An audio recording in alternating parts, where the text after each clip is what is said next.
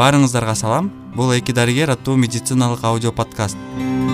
Анын алып баруучусу мен дарыгер жалпы хирург эрмек исмаилов жана кесиптешим бегимай жетимишева. Акыркы убакытта интернет баракчаларында медицина тармагында абдан көп сындар айтылып келе жатат. Ал сындардын кээ бирөөсүнө биз кошулсак кээ бирөөсүнө кошула албайбыз себеби медицина кызматкерлери менен бейтаптардын арасында көптөгөн түшүнбөстүктөр болуп жатат. Бегимай экөөбүз эки дарыгер аттуу аудио подкастыбызда бул суроолорго биз жооп бергенге аракет кылабыз. Жана бегимай экөөбүздүн максатыбыз медициналык маданиятты элибиздин арасында жогорулатуу баарыбыз билгендей эле азыркы убакытта жеке жана мамлекеттик бейтапканалардын саны абдан көп. Бирок ага карабай ооруп калсаң кайсыл ооруканага кайрылууну билбей каласың бүгүн кесиптешим бегимай экөөбүз ооруп калсак кайсыл бейтапканага кайрылуубуз?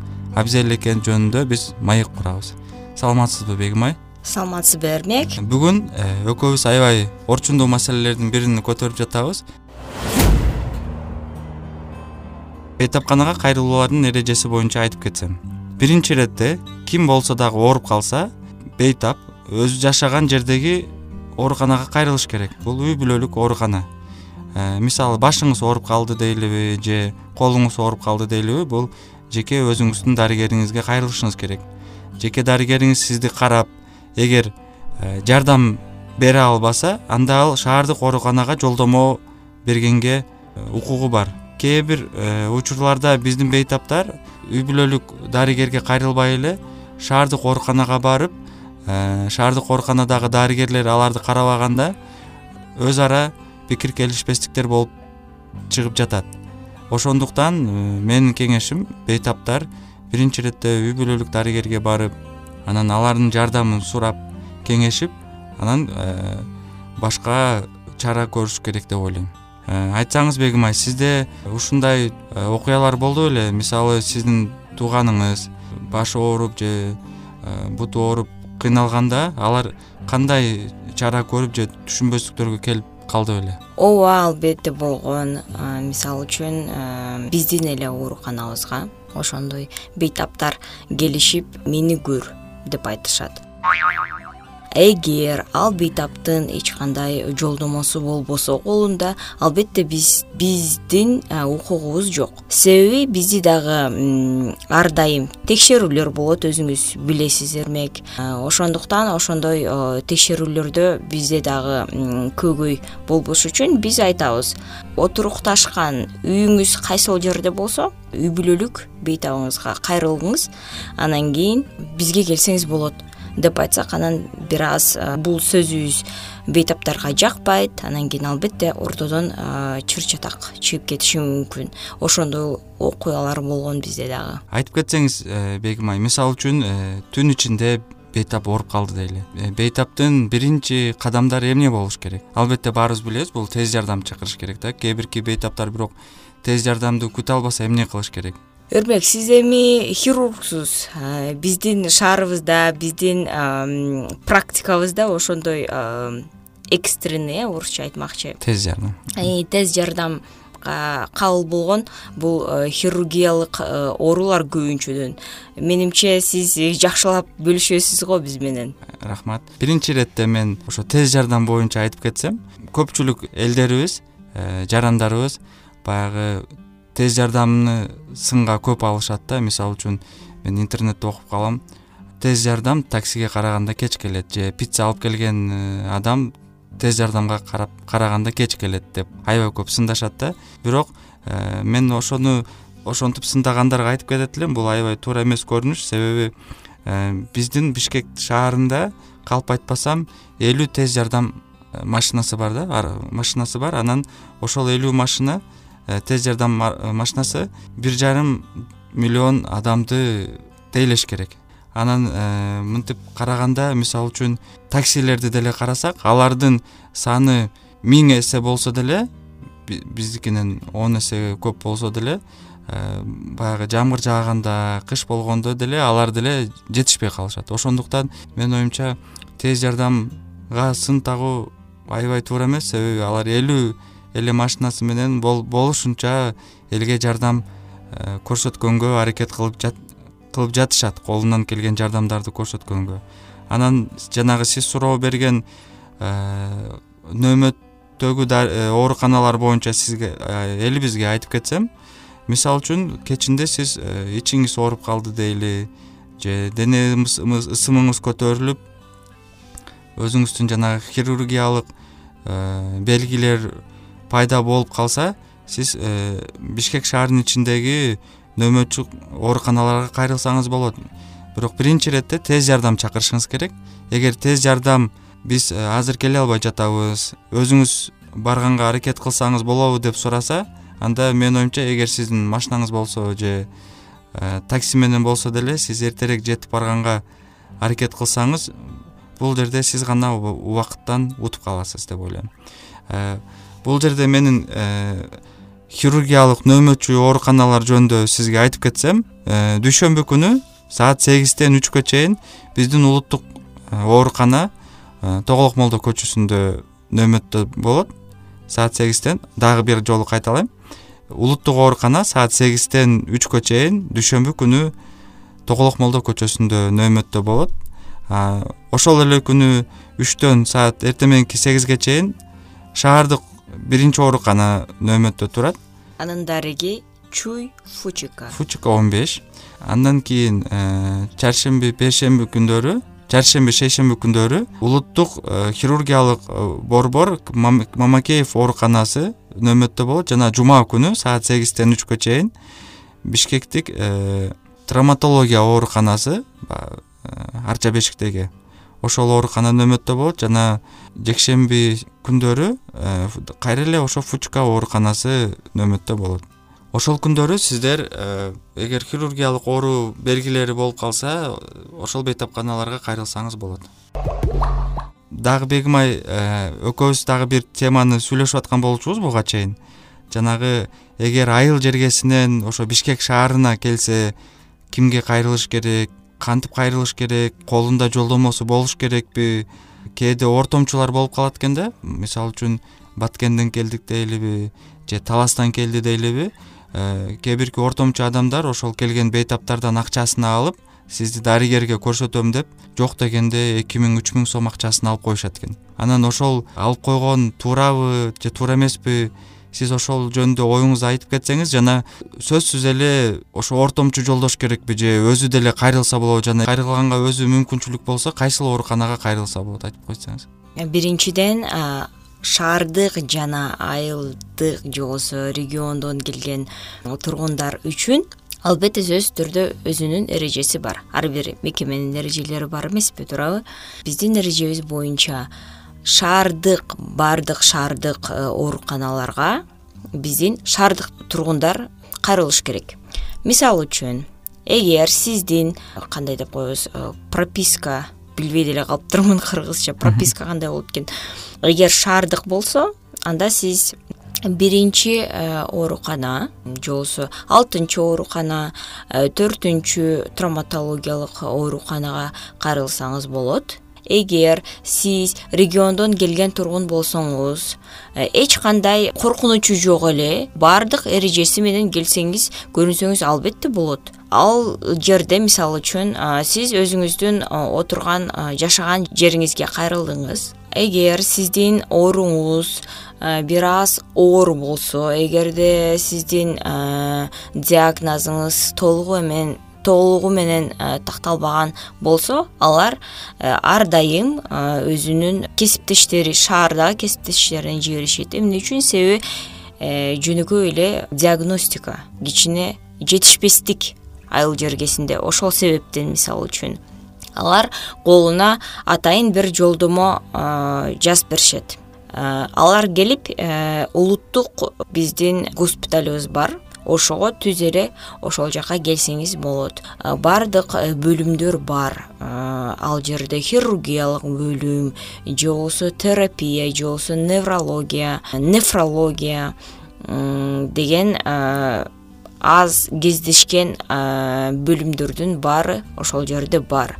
Ар дайым сиздер келип э, жолдомоңузду көргөзүп э, менде ушундай ушундай болдум эле деп кайрылсаңыз болот.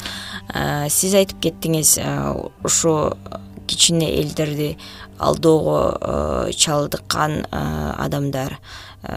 Мен сени доктурга дарыгерге көргөзөм анан акча берсең деп э, айтышат экен алданышат экен депчи. Эмне үчүн мындай учурлар болот? Менимче алардын э, ошо эрежелер менен эч ким таанышкан эмес эрежесин билбейт. Ар бир мекемеге киргенде сиздер ал жердин э, эрежесин окуйсуз. Туурабы? Ошолсуңар э, биздин да бейтапканалардын э, эрежелери бар. Ар бир бейтапканага кирсеңиз жазылып турат өзүнүн эрежелери мисалы үчүн операция болобу же болбосо жөн эле терапиялык бир жардамга чалдыгуу болдубу ошолордун жада калса баасы канча күнгө э, канча канча э, акчасы дегеним да канча баада төлөйсүңөр деп баары жазылып турат. Айта кетсеңиз дагы бегим айы мисалы үчүн ошол сиз айтып жатасыз э, улуттук ооруканага кайрылса болот деп бейтап э, ошо айыл жергесинен келгенде дароо эле ошо оорукананын өзүнө кайрылыш керекпи же жанагы кабылдамасына кайрылыш керекпи? Кабылдамасына барса алар ошол жерде дарыгерлер карап туруп анан ооруканага жаткырганга жиберишеби же кандай бул эрежесин дагы айтып кетсеңиз? Туура суроо бердиңиз. Албетте биринчиден алар кабылдамасына кайрылыш керек. Ошол жерден анан кийин кайсы бөлүмгө баруусун ошол жердеги дарыгерлер айтып беришет. Жана оорукананын ооруканага жаткыруу үчүн сөзсүз түрдө баракча ачылат баракча ошол жерин ачып беришет жана кайсыл бөлүмгө баруусун түшүндүрүп көргөзүшөт. Дагы бир айта турган сөзүм мисалы үчүн менин бир туугандарым менен эле бир окуя болду да. Аларга оорукана керек болду. Ооруканага көрүнүүгө керек болду. Алар айыл жергесинин тургуну анан ошондо анан айтты мага деген ушундай ушундай бөлүм керек кайсыл жака кайрылсам болот деп сурады. Мен аларга түшүндүрүп айттым.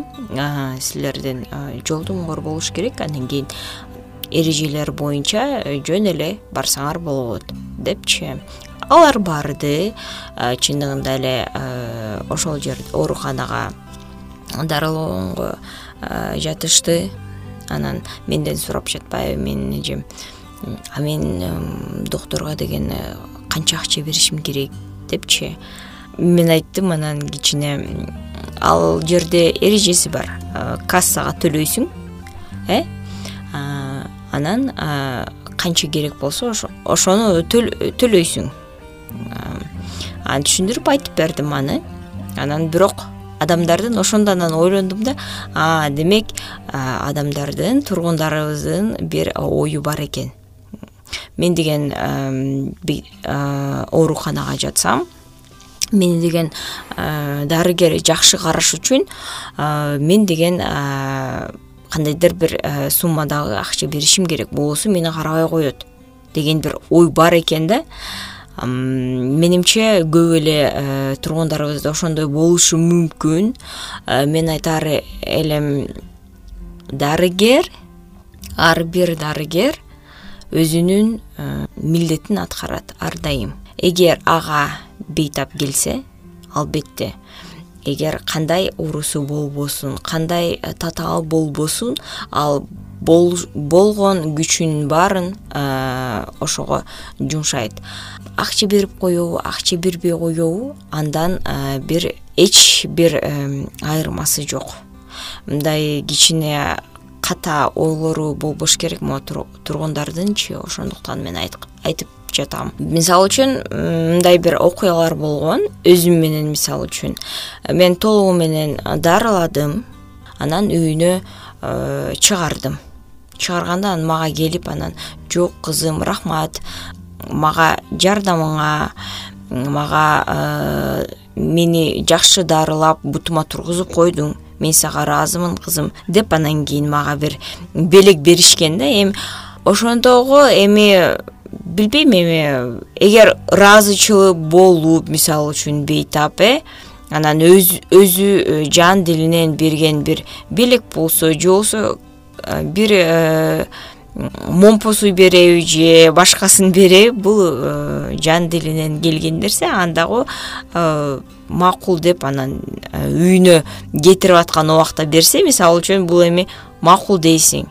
Анан ойлонуп жок мен беришим керек анан мени дарылайт деген бул бир аз ката ойлор. Туура айтасыз? Мен деле өз оюмду кошуп кетсем сиздин айткан сөздөрүңүз боюнча жанагы айыл жергесинен кайрылган бейтаптар тууралуу.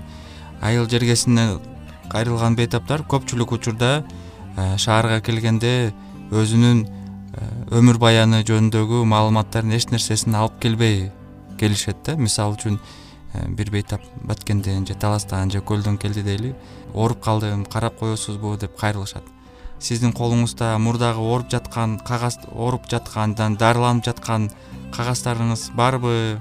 Кайсыл дарыларды ичип жүрдүңүз эле десем алар айтышат унутуп калыпмын үйдө мындай эле карап берип койчу депчи. Албетте биз э, карап беребиз жардам беребиз бирок эгер ошол э, сиздин үйүңүздө жаткан кагаздардын баары алып келсеңиз бизге аябай жеңилдик болмок да себеби бейтапты он он беш мүнөттүн ичинде толук өмүр баянын жана кайсыл оору менен ооруганы жөнүндө маалыматты чогултуу кыйын. Сиз э, алып келген кагаздарды кошумчалап биз э, толук түрдө туура диагноз койгонго жардам болот да. Анан ошого э, дагы мындай бир кеңешим бар эле. Ошо айыл жергесинен келгенде бейтаптар жок дегенде кандын жалпы анализин заарасын анализин канттын кандын кантын анализини жана жүрөктү тарттырып келсе жакшы болмок себеби шаарга келгенде ошол анализди биз кайра эле эгер тапшырбаган болсоңуз кайра эле жибергенге мажбур болобуз да. Ошого убакыт баарыбызга керек баарыбыз аны үнөмдөшүбүз керек. Ошондуктан сиз даяр болуп келсеңиз бизге дагы сизди караганга жеңил болот. Анан бул э, тезирээк дарылоону баштаганга да жардам болот дагы бир э, окуя жөнүндө айтып кетсем баягы ортомчулар жөнүндө экөөбүз сүйлөшпөдүкпү. Орто жолдо бейтаптарды айыл жергесинен келген э, оорулардан эки миң сом үч миң сом акча алышат деп. Мен бир э, жеке өзүмдүн тажрыйбамда бир бейтап мага чалды да эрмек мени карап берип койбаспы ушул ооруканага бир таанышым жаткырам деп менден эки үч миң эмес он миң сом алды деп айтты да. Мен аябай оозум ачылып жөн эле ооруканага жаткырыш үчүн дарыгер эмес бир адамга жөнөкөй эле бир адамга кантип ошол бейтап он миң сом акча берип койду деп таң калып анан келгенде сүйлөшсөм сөз берген адам айтыптыр мен сени ошол бейтапканага жаткырып дары дармектерин алып берип анан ошол жаткан жериңе акчаң э, акчаңды төлөп каратып берем деп ошол акчасын алып жок болуп кетиптир да. Ошондуктан мен элибизге баарыбызга эле айыл жергесине эмес ошо шаар тургундарына эле айтып кетет элем. Ортомчу адамдарга ишенбей эле өзүңүздүн жолуңузду кыйнабай эле биринчи иретте ошол өзүңүздүн үй бүлөлүк дарыгерге барып эле кайрылып кеңешип ал кишиден жардам сурап эгер ал киши жардам берсе жакшы анан жок бул татаал оору экен десе анда сизди шаардык ооруканаларга жиберсе анан ал жактан дарыгердин өзү менен гана жолугуп жардам алсаңыз болот. Эч кандай ортомчу адамдарга э, ортомчу адамдарды аралаштырбай эле койсоңуз болот да. Мен сиздерге хирургиялык оорунун белгилери болгондо кайсыл оорукана шаардык ооруканага кайрылуусу жөнүндө айтып кетсем дүйшөмбү күнү саат сегизден үчкө чейин улуттук ооруканага кайрылсаңыз болот. Э, дареги тоголок молдо көчөсү э, саат үчтөн саат сегизге чейин эртең мененки улуттук оорукана хирургиялык оорукана номер бир. Бул фучка көчөсүндө жайгашкан. Шейшемби шаршемби бейшемби күндөрү улуттук хирургиялык борбору мамакеев ооруканасы э, линия жыйырма беш көчөсүндө жайгашкан. Жума күнү саат сегизден үчкө чейин бишкектик оорукана травматологиялык оорукана э, кривоносова эки жүз алты көчөсүндө жайгашкан ошол эле жума күнү саат үчтөн сегизге чейин эртең мененки улуттук хирургиялык оорукана номер бир фучка көчөсүндө жайгашкан жана ишемби жекшемби күндөрү улуттук хирургиялык борбор бул клиника мамакеева линия жыйырма беш көчөсүндө жайгашкан. Урматтуу угармандар бүгүн биз сиздер менен ооруп калсаңыз кайсыл бейтапканага кайрылуубуз абзел тууралуу маек курганга аракет кылдык. Эми сөзүбүздүн жыйынтыктайлы биздин аудио подкаст сиздерге кичине болсо да жардам берди деген үмүттөбүз. Эми бегимай кесиптешим экөөбүз жыйынтыктап кетсек. Жыйынтыгында айтып кетсем. Биринчиден эгер сиз айыл тургуну же болбосо шаар тургуну болсоңуз албетте унутпаңыз жолдомо колуңуздарда жолдомо болуш керек. Ошол жолдомо аркылуу анан кайсыл ооруканага барууңуз ошол жерде жазылуу болот. Өзүңүздөр да билип эле бара бересиздер. Жаныңыздарда албетте сөзсүз түрдө болсун паспорт болуш керек. Анан биринчи ошо көрүнгөн жериңиз мисалы үчүн үй бүлөлүк э, ооруканага көрүнгөн болсоңуз ошол жерде биринчи сизге э, анализдерди кылдыртып анан кийин колуңузга жолдомону карматып анан э, жөнөтөт кайсыл ооруканага барууну. Албетте сиз унутпашыңыз керек. Эгер сиз айыл тургуну болсоңуз борбордук улуттук бейтапканага келесиз эгер шаардык тургун болсоңуз анда шаардык бейтапканаларга келесиз. Биз кесиптешим эрмек экөөбүз. Биздин тургундарыбыздын медициналык маданиятын көтөрүүгө кичине болсо дагы аракет кылдык. Биздин үмүтүбүздө сиздерге баардык кеңештердин баары сиздерге жардам берет. Бул эки дарыгер аттуу аудио подкастты анкор google подкаст apple подкаст тиркемесинде жана менин телеграм каналымда дарыгер аттуу уга аласыздар. Кошумча суроолоруңуз болсо facebook баракчабызда берсеңиз болот. Facebookта мени эрмек исмаилов же кесиптешим бегимай жетимишева деп издеп тапсаңыздар болот. Бул аудио подкаст кыргызстандын фонд сорос жана central asia design hub техникалык жардам менен даярдалды. Аларга терең ыраазычылыгыбызды билдиребиз кийинки эпизоддо биз кантип медициналык текшерүүдөн үнөмдөөнү айтып беребиз жана кайсыл лабораторияга барса болот тууралуу маек курабыз. Саламатта болуңуздар